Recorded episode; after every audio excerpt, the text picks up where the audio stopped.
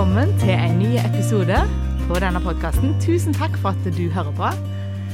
Eh, I dag sitter jeg her med en veldig kjekk gjest. Det er ei dame som eh, jeg ser veldig opp til. Jeg har visst hvem hun var siden jeg var liten. Jeg har faktisk noen gode minner ifra at jeg var på barnemøte på Klippen. Da var jo Turi Dahl er den som sitter her. Velkommen til deg, Turi. Tusen takk. Ja. Jeg husker deg eh, veldig godt, som jeg sa fra når jeg var liten. Ja. Og fikk være med noen venninner. Min familie gikk egentlig mest på bedehuset, men jeg fikk være med jentene i nabolaget til Klippen Ja. og på barnemøter. For du hadde de egne møteveker for unger. Ja, da hadde familieveker eller barneveker med møter nesten Ja. hver kveld. Ja, jeg husker det godt. Og du hadde med deg en bamse. Ja, først så var det familien Bjørnsen. Det var en bamsefamilie. Ja. Og så var det ei store dere som heter Camilla. Ja. Så hun var jo hun ble kjendis da. Hun Ja. ble jo kjendis på hele Haugalandet, vet du. For det var jo TV-program om henne. Nydelig.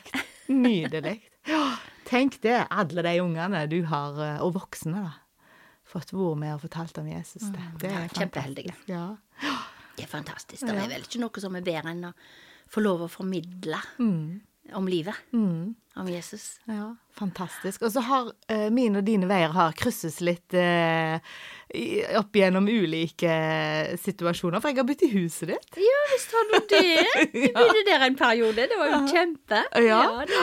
Og det har jeg. Det var vel når du reiste ut til Da var jeg i Brasil. Brasil. Det. Ja, det skal vi få høre litt mer om. Ja. Eh, men du Turi, da har jeg For jeg kjenner deg jo litt, da. Du er vedbu og sånt. Men nå, må, det er ikke sikkert de som hører på, kjenner deg. Hvem er du? ja, jeg er, som du sier, fra Vea. Datter til Judith og Gunnleif, som de sier. Ja. Dal. Og eh, har vokst opp her, bodd her i mange år. Og så har jeg reist som evangelist i mange år. Første som ja, det vi kaller vanlig evangelist. For i utgangspunktet så trodde jeg at jeg skulle reise ut som misjonær. Ganske fort. Så det var det at jeg skulle eh, ta sykepleien og reise ut som misjonær. Så ble det ikke helt sånn som jeg hadde tenkt, men det kommer vi gjerne litt mer tilbake til seinere. Men jeg har iallfall reist i Norge i mange år, og så har jeg vært misjonær og bodd i Brasil i 16 år. Og flyttet hjem for tre år siden, og nå bor jeg i Nedre Vats. Ja. ja, så kjekt. I Nedre Vats. Det er en halvtime En time, akkurat en time En hel herfra. time er det. Ja. Ja, det er det. Men det er lenger ifra Vea til Vats enn ifra Vats til Vea. Ja, løye det, det. Ja. løye det der, du. Ja. Mm, men du er mye hjemme på Vea? Ja, det er det. Mhm. Foreldrene mine bor jo her, og rett på sida, og ja. ja. brødre og venner og ja. Ja. Så det er bra. Ja, Så jeg er jo engasjert på Klippen òg, da. Ja, Ja da, så det har jo vært menigheten min i alle år. Mm, mm. Ja, er, du engasjert i noe inne i uh, Vatsug, eller? Ja da, jeg er faktisk med i styret på bedehuset i Vats. Ja. Kjempegreier. Skikkelig interessant. Og vi er jo i gang med å skal bygge nytt bedehus. Å ja. Ja, det er kjempehilt. Åh, snakker vi om. Jeg blir så gira, vet du. Ja, fantastisk. Ja da. For der er det tre gamle bedehus. Mhm. Og nå eh, skal en da budge i sammen, og det heter Arken. Ja. Så nå holder vi på med anbud og greier, og ja ja, vi Ja. er gira. Å, det blir helt fantastisk å være i lag, alle. så All slags folk. Ja. Så flott. Ja. Det var bra. Men du, fortell litt mer, da. Altså, eh, du reiste som eh, evangelist. Ja, mm. jeg gjorde det. Jeg har alltid hatt kall. Mhm. Så lenge jeg kan huske at Så jeg ble født med et kall, på en måte. Ja. Eh, så ja Alltid visste at jeg skulle bli misjonær. Jeg sa det ikke til noen, for eh, jeg vet ikke hvorfor, men det ble liksom ikke. Men jeg fikk jo ganske mange bekreftelser opp igjennom. Fordi at vi har hatt masse predikanter som har hjemme hos oss, har vært på Klippen og talt. og flere ganger, spesielt når jeg var i ungdommen, så var det mange som ymta fram på dette her, at jeg skulle sikkert ut i tjenesten, som vi sier. Og eh, tenkte ja, hvor skal jeg hen? Jeg satt på møter og hørte misjonærer som kom fra Argentina, for eksempel. Og det er behov i Argentina, og jeg da, vet du, med ungdomshjertet mitt, å ja, Jesus, jeg kan godt reise. Så kom de fra India, å ja, Jesus, bare send meg til India. Eh, Hvor de enn kom ifra, så kjente jeg bare denne her lysten, sant. Åh, nydelig, jeg har lyst til å være med og hjelpe folk, og det var nok mye at jeg hadde lyst til å hjelpe de fattige, de som hadde virkelig behov, samtidig som jeg hadde lyst til å forkynne evangeliet om Jesus. Så det var nok de to tingene der som lå i bånn. Og eh, jeg forberedte meg på en måte, for jeg hadde tenkt jeg skulle i sykepleien. Men eh, siden jeg er født i desember, så, så kom jeg ikke inn i sykepleien det første året jeg søkte, men jeg kom inn i hjelpepleien. Og for meg var det helt å, det var helt fantastisk. Kjappere blir jeg ferdig, fortere kan jeg reise ut. For det brann virkelig i hjertet mitt, det gjorde det. Men så eh, begynte jeg å reise her i Norge, for det var jo vanlig å reise rundt og bli kjent med menigheter, så at en fikk støtte både forbønn og ikke minst økonomisk òg, så at jeg hadde noen som kunne stå bak meg. Men så ble det jo ikke sånn som jeg hadde tenkt. For jeg trodde at ja, det blir et år, men så åpna Gud veier, da, helt fantastisk. Så jeg reiste jo i Norge i uh, ca. 20 år som evangelist. Første så var det jo, som jeg sa, som en vanlig evangelist. Reiste rundt fra menighet til menighet i hele landet. Helt opp til Finnmark. inn, fra nord til sør, øst til vest, rundt omkring i menigheten iblant de frie evangeliske forsamlinger, eller frie venner, da. Mest, men òg andre plasser. Så trivdes jeg veldig godt med det. Og så husker jeg jeg var i Jeg var 21 år når jeg begynte med det. Og så åh, Så kjente jeg liksom dette her åh, Tenk å få lov å forkynne for ungene. Jeg elsker jo unger. Så jeg husker det så godt i 1982. A long time ago. Jeg var på et sommerstevne oppe i Volda. Å, hjertet mitt banka, og jeg kjente åh, Nå må jeg få sagt det til noen. Så jeg gikk til de som var i ledelsen, for å si, og så sa jeg at jeg har så lyst til å reise rundt og forkynne med evangeliet til ungene. Og dermed så ble jeg barneevangelist. De heia på meg, og de Nei, vet du hva, det var skikkelig kjekt. Så jeg reiste jo som barneevangelist i mangfoldige år. Fikk være med i masse forskjellige menigheter. Og mye på skoler. Å, det var så kjekt. Det trivdes jeg med. Kunne ha opptil seks skoletimer til dagen, vet du. Og hele timen. Så jeg, jeg var jo ganske gående etterpå. Ja. Men da fikk jeg ha sånn tema. Det var mye om misjon, for jeg hadde allerede vært da i India. En måned. øh, besøkt misjonærer der, så jeg fortalte jo mye fra India. Det var jo en innfallsvinkel. Men ellers så gikk det jo på sånn tema fra Bibel og Ja, ja, var kjempe. Og masse sånn som du sa i begynnelsen her, med, med disse dokkene. det begynte med familien Bjørnsen, og da var det jo mange herligheter dukker med på møtet, liksom, av de eldre, for de forsto jo ikke noe av dette her. Men de så jo det fort, at det fangte ungene. Og ikke minst når jeg fikk hun Camilla. Det var jo ei svære dokke, og ja. Det var skikkelig kjekt å bruke hun og formidle budskapet om Jesus. Brukte ofte en bibelhistorie, men òg en hverdagsfortelling som de kjente seg igjen i. Så det var jo da jeg var med på TV Haugaland en hel advent. Hadde 24-program. Ja, det er fra 1. til 24. desember, og det var liksom pang, pang på. Så det var direktesendinger, og det var skikkelig kjekt. Det var masse unger som var og sang. Barnekor og solister og Jeg var veldig kjekk, Så jeg syns jeg hadde et knallrikt liv. Men så Men så skjedde det som jeg vel burde vært forberedt på. Fordi at jeg reiste hele tida. Jeg bodde i koffert. Jeg var jo alene, singel. Og eh, foreldrene mine prøvde jo å si det til meg mange ganger. 'Turi, du må slappe av, du må ta deg litt fri.' 'Ja, men jeg kan jo ikke det, det er jo så kjekt, og det er jo så viktig å forkynne om Jesus.' 'Jeg må jo benytte anledningen.' Og jeg hadde jo ei ei en agenda, vet du, som var jo sånn ja, iallfall halvannet år fram. For det var liksom når jeg var der Ja, neste år så kommer du her igjen. Så det ble jo eh, fryktelig travelt. Var voldsomt lite hjemme. Og så kjente jeg at jeg begynte å bli trøtte. Men det som er så løye, da, så begynner en jo også å se etter resultater. Vi er vel kanskje litt resultatorientert, kanskje vel mye inniblant.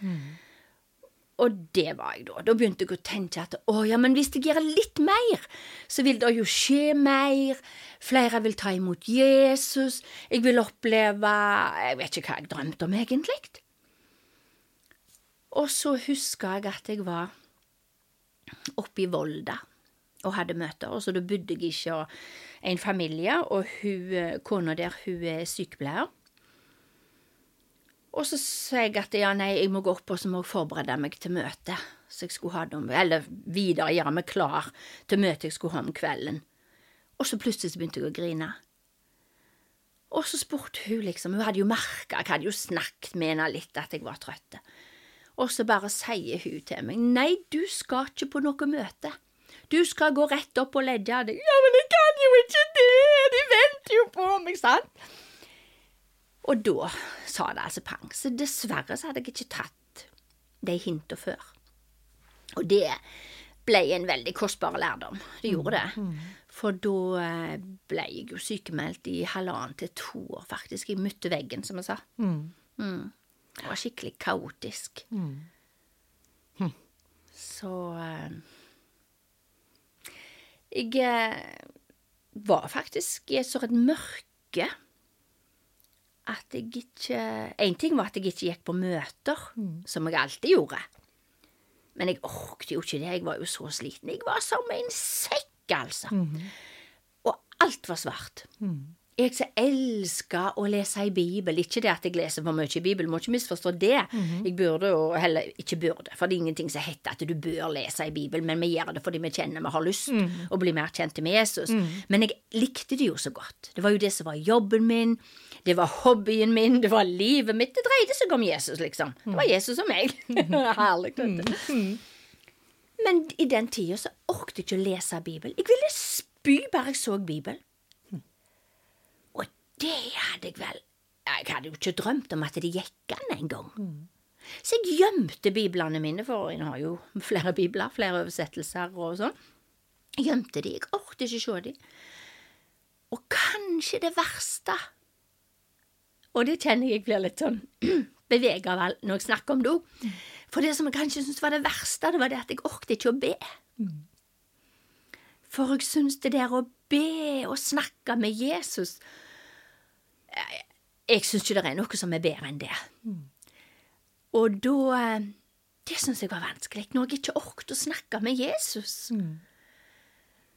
Ikke så jeg han, ikke hørte jeg han, ikke følte jeg han.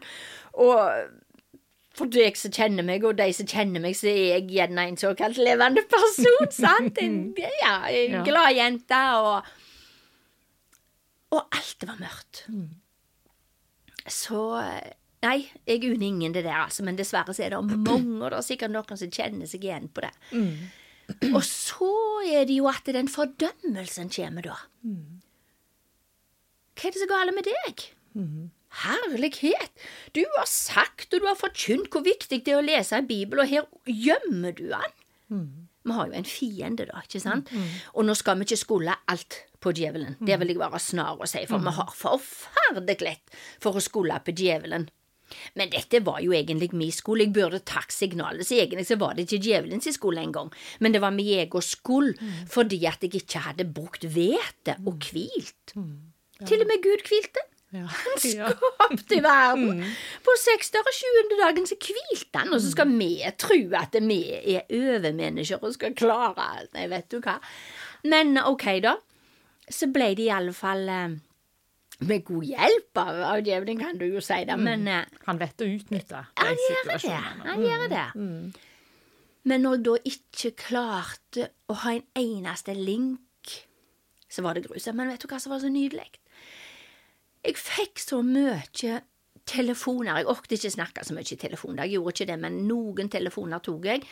Men jeg fikk hilsninger ifra så mange som sa 'Vi ber for deg, Turi. Vi ber for deg'. Jeg fikk blomster på huset, og jeg orket jo ikke ta imot besøk. Ingenting. Jeg stengte meg igjen hjemme i kjelleren. Trekte for gardinene. Ja, alt svart.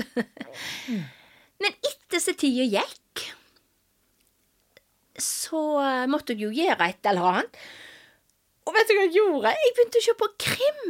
Ja. Gamle krimgreier på fjernsynet. Jeg hadde vel ikke vært i nærheten av det. Det hadde aldri vært min interesse. Men det var for å gå inn i noe helt annet, antageligvis. Så jeg satt på en måte og gjorde ingenting. Ja. Dagene gikk, månedene gikk. Og Tenkte du at du var syk? Ja. Ja, jeg gjorde det. det. For du ser at eh, Jeg ble jo sykemeldt, som sagt. Og da eh, kom jeg til psykolog. Mm. Og vet du, du skulle ikke tro det var sant, altså. Men eh, jeg fikk jo panikk for at noen skulle vite at jeg gikk til psykolog. Mhm. Jeg var jo både predikant og kristelig, og så skulle jeg gå til psykolog, jeg! Mhm. Jeg var jo ikke psykisk men det var jo det jeg var. Mhm. Så jeg gjemte meg nesten. Jeg ler av det sjøl når jeg skulle gå inn på sykehuset på psykiatrisk eh, der i Haugesund til samtale med en psykolog. Så var- det det at ingen måtte se Det er jo så tåpelig. Det er så dumt. Men det var fordi at det var så mørkt. Men jeg fikk så mye hjelp. Jeg fikk så mye hjelp av huspsykologen, så jeg har jo anbefalt det til mange. Ja. Og så, når jeg da begynte å komme meg litt, så reiste jeg til, eh, til Modum, til Sjelesorgsinstituttet der. Og det var helt fantastisk for meg. Og det var nydelig. Der fikk jeg gå i sjelesorg til ei prest.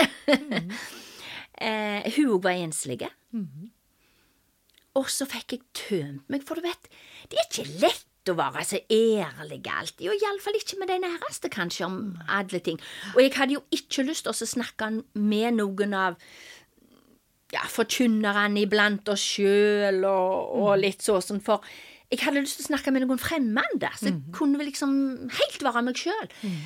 For jeg skulle jo på en måte forsvare både Gud og forsvare menighet. Jeg skulle liksom Det er jo så tåpelig, men det var fordi jeg ikke var friske. Vi trenger ikke forsvare Gud. Herlighet. Eh, Ingen trenger forsvare Han. Og, og ikke menighetene, for det er ikke en menighet som er fullkommen. Men når jeg fikk sjelesorg der, altså, det var helt Og da løstes det opp veldig mye. Jeg vet ikke om jeg skal nevne en liten ting der som For hun Ture, skjønner du, hun eh, har vært ei glad jente. Og det har jeg, jeg lyver ikke heller. Eh, Jeg har hatt det skrekkelig godt, og så er jeg nok skapt med et godt humør. Og det har jeg sagt mange ganger, at jeg syns jammen ikke Gud er rettferdig der. For noen har et, eh, en karakter og et temperament som sikkert ikke er så lett å, å jobbe med. Og så har jeg vært så heldig og fått et gladsinn. Men desto tøffere ble det da.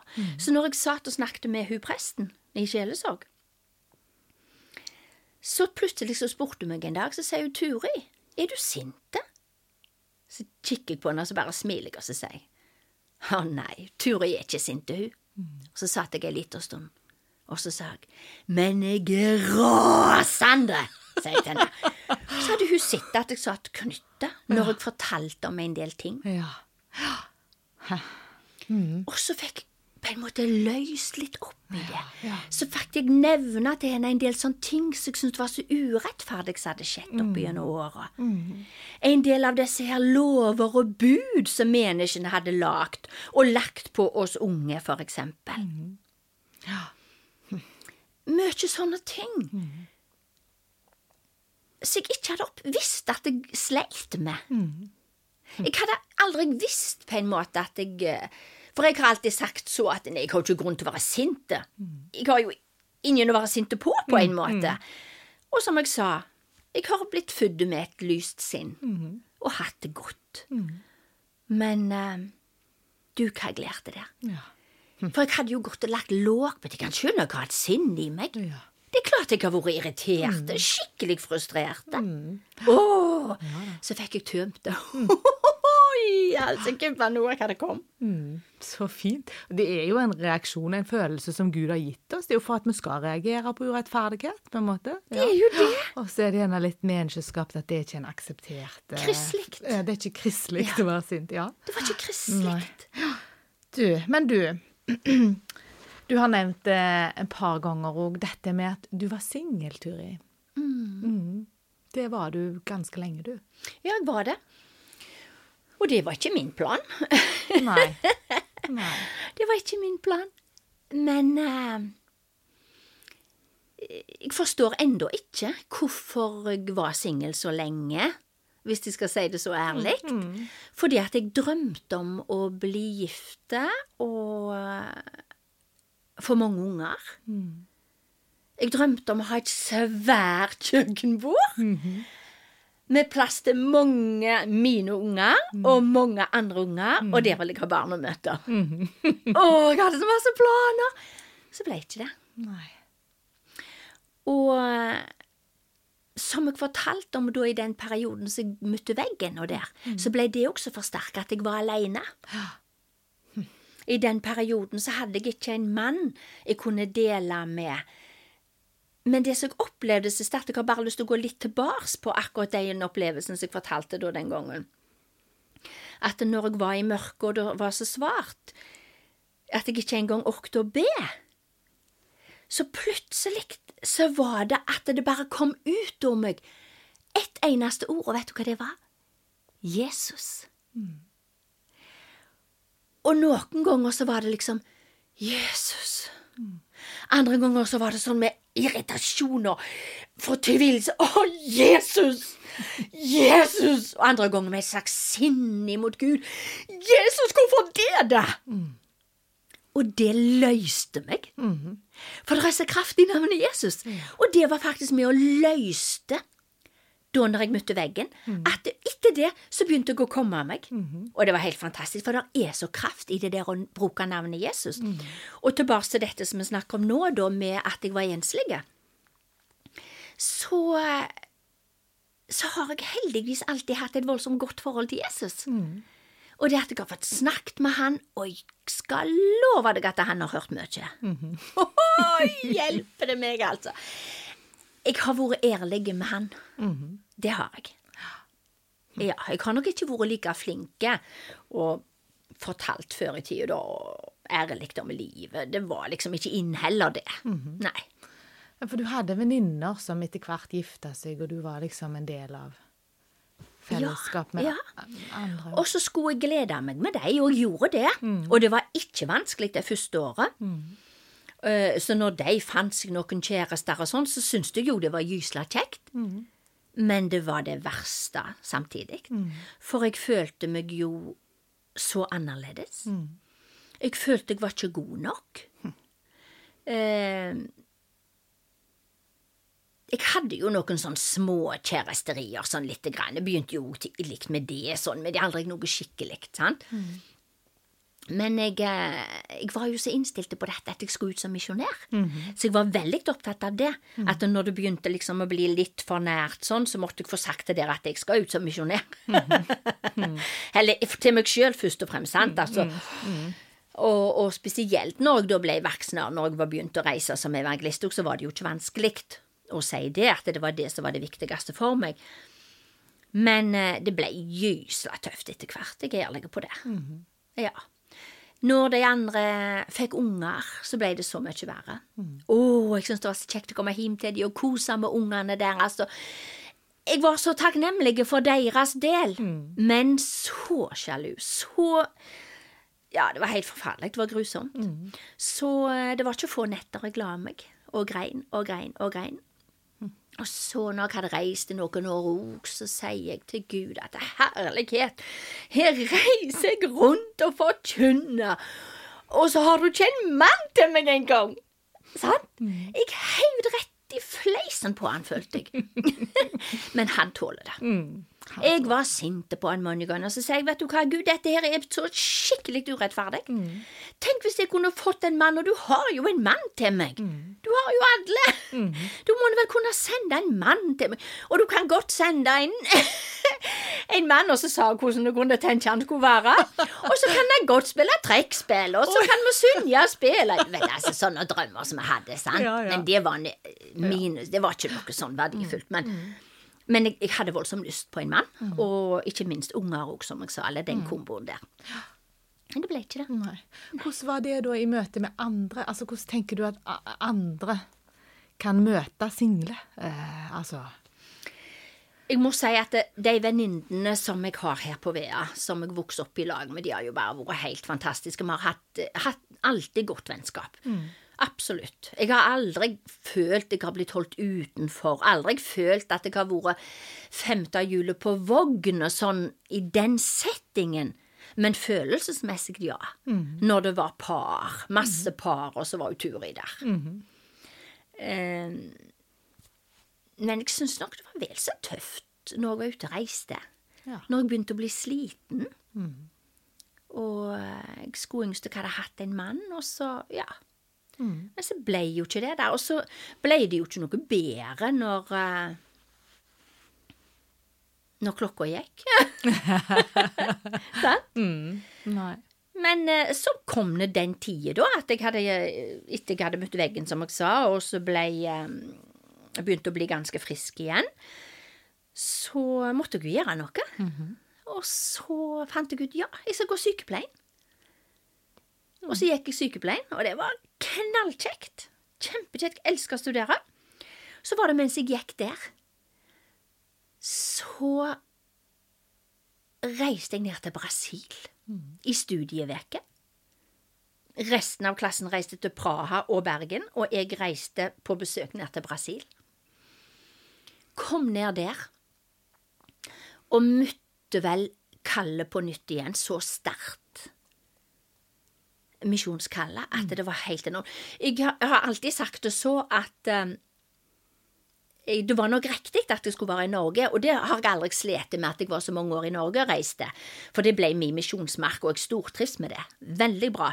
Men når jeg kom ned der, kjente jeg oi, her kan jeg være en forskjell. Så dermed så reiste jeg hjem og gjorde meg ferdig sykepleien. Og så gikk jeg på gå-ut-senteret et halvt år, og det var knallbra. Selv om jeg hadde reist som predikant eller evangelist i mangfoldige år, så hadde jeg lyst til å bruke ei sånn konsentrerte tid på å sette meg inn i kultur og masse sånne ting, for da var jo jeg så gammel. Så jeg reiste ut som misjonær til Brasil når jeg var 46 år. Ja. Og eh, begynte et arbeid der. Og det var bare så spennende og så kjekt bygd. Jeg fikk vel lov å være med og bygge opp et flott sosialt arbeid som fungerer den dag i dag, som heter Livets tre, og fikk være med og bygge opp en menighet, og det var knallbra. Så da, i forhold til temaet i dag, å være enslige, så, så tenkte jeg ok, da er det Jesus og meg. Og da på en måte så klarte jeg å slappe litt mer av med det, for jeg syntes jeg hadde så meningsfullt liv allikevel. Men sakene var der hele tida. Jeg skal ikke lyge det vekk. Eh, men jeg hadde det likevel godt, og det vil jeg si. Jeg har hatt et godt liv. Hatt et enormt godt liv. Men da, vet du, så begynte jo eh, disse venninnene mine å få barn Og vet du hva? Gjerne ja, ja, jeg vil ikke si det har vært verre, men jeg har gleda meg så over de, i lag med de, og kost meg når de viser bilder, og jeg syns det er så kjekt, og å, de er jo så herlige, disse små. Samtidig som jeg bærer på den dag i dag, så bærer jeg på en sorg. Jeg bærer på den sorgen at jeg aldri fikk unger. Jeg bærer på den sorgen at jeg aldri eh, har fått barnebarn. Eh, Det er en sorg jeg må leve med, og så er det opp til meg hvordan jeg vil gjøre med den sorgen. Jeg vil vel tro at alle har men ikke bare én sorg i livet, men mange sorg. Noen har et handikap som det er en sorg for de å leve med. Andre har livssituasjoner. Vi har mange relasjonsproblemer, ikke sant? Masse skilsmisse. Uoppgjorte saker Det er så masse forskjellige typer sorg. At jeg kjenner jeg blir helt sånn. sant? Du skal ikke måle den ene sorgen opp imot den andre, for det blir feil. Ja. For din sorg er din sorg, og jeg klarer ikke å forstå den. Jeg kan ha empati med deg. Jeg kan si ja, jeg forstår deg, men jeg gjør det ikke. For din sorg er din sorg med den personen du er, og med ditt liv og ditt før og nå. Og dine drømmer. Og sånn eh, har det vært. Men jeg lever jo godt med det i dag fordi at uh, jeg har jo møtt mannen i mitt liv. Ja. Eh, nå er jeg eh, 65, eller som jeg sa før i gamle der, 65 år. Og jeg gifte meg når jeg var 50. Fordi at det, rett før jeg reiste til Brasil, så var det noe i Haugesund som heter Singelgruppa. Ja. Kristne single av alle slag. Så samles, og det var ei venninne av meg som spurte om jeg ikke ville være med. Nei, jeg skulle ikke være med på noen singelgruppe. Det var så tåpelig, vet du. Men heldigvis så fikk hun meg med, for jeg vet ikke hva jeg hadde tenkt. Men det var bare knallkjekt. Vi gikk ut sammen på konserter, vi kunne gå på møter i lag, og det var jo ei kristen gruppe, dette her. Det var helt magisk. Og så trefte jeg en der. Eh, en ifra Nedre Vats. Jeg sier det på skøy, han innante, men det er jo ikke han innante, da. Men en fra Nedre Vats. Eh, så var jeg innom Så jeg trefte vel én gang før jeg reiste, men ikke noe annet. Men mens jeg var nede i Brasil, så skulle jeg få besøk av en kamerat og to venninner ifra denne singelgruppa. Og så fikk de han her Carl ifra Nedre Vats med seg.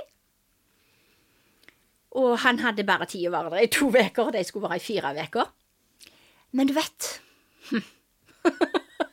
Amors pil, vet du, den kan skyte fort. Så du vet at jeg, Ja, vi ble jo skikkelig forelska med på de to ukene. Så nydelig. ja, og det er jo så festlig, for forelskelse, altså. Det har ingenting med alder å gjøre. Du blir så fjollete. Du blir jo he- vet du hva, herlighet. Så det var jo akkurat de samme følelsene, og Nydelig. Så det var mer enn jeg hadde våget å be om. Ja, Ingen av oss hadde tanke for det på forhånd. Ikke i det hele tatt. For jeg hadde altså inn, innsett det, ja, da er det Jesus og meg, og det er greit. Det er greit. Jeg lever med sorgene mine, men det er helt greit. Jeg hadde et fantastisk liv med alt det innebærer. Av godt og vondt, og positivt og negativt. Men eh, når han Carl kom inn i livet, så er det klart det var kjempe, kjempekjekt. Så kort fortalt så kom jo han ned på besøk, og um, jeg traff han òg var hjemme på besøk. Og det viser seg jo å være verdens beste mann. Drømmemannen. Ja. Så han flytter ned der. eh, eh, For han var der nede da i juli 2004, og i, til påske 2005 så flytta han ned og bodde i et hus ikke så langt ifra meg. Og kom syklende opp til meg til frokost, vet du, og vi var i sammen. Han var med og jobbet da på det prosjektet, som vi sier, på det sosialprosjektet vårt. Så jeg fikk jo lært han å kjenne, og han fikk lært meg å kjenne, og ja. Vi er veldig forskjellige, vi utfyller vel hverandre, og eh, så ble det gifting, og helt fantastisk. Vi har fortjent Jesus i sammen i Brasil i mange år. Men er du Fantastisk, Turi. Dette er jo helt nydelig. Nå må jeg bare spørre, er du avslutta i Brasil, skulle du si, eller hva? Nei, egentlig ikke. Flytte hjem til jul 2017. Da fant vi ut på grunn av eh, forskjellige ting, kan du si. Vi hadde gamle foreldre, vi hadde lyst til å dele tid med dem. Og arbeidet gikk så godt. Vi hadde fått bygd opp et flott teamarbeid der nede med alle disse ungene. Så jeg har jo ca. 500 barn der nede, da. Ja, tenk det. 500 Fantastisk. barn. Sånn cirka det, ja. ja. I dag så er det uh, ca. 230, men så er det jo flere da som har begynt. For det som er, de får, vi har norske faddere da, tatt alle sammen. Og så uh, føler fadderne de, de som vil, til de har en utdannelse. Og da får de seg jo jobb, og så da får de jo sitt liv. Så det er jo helt fantastisk å se resultatene etter det. Så nå er det jo mange av de ungene mine som sjøl er foreldre. Ja, Og flere av de er faktisk forkynnere. Oi. Ja, vet du hva, det er så sterkt. Ja. Det er så bra. Ja. Så vi ser det nytta. Men eh, nå, ikke dette koronaåret da, dessverre, men før, så jeg har reist to ganger i året, og så vært ca. en måned da. Det er kjempe. Men vi har det jo digitalt. Og, ja, så du har kontakt med Ja, de der nede nå? ja, ja, ja, ja. Nydelig. ja. Ja, fantastisk. ja. Det, det er så fint å høre på deg, Turi. Det er helt eh, Ja.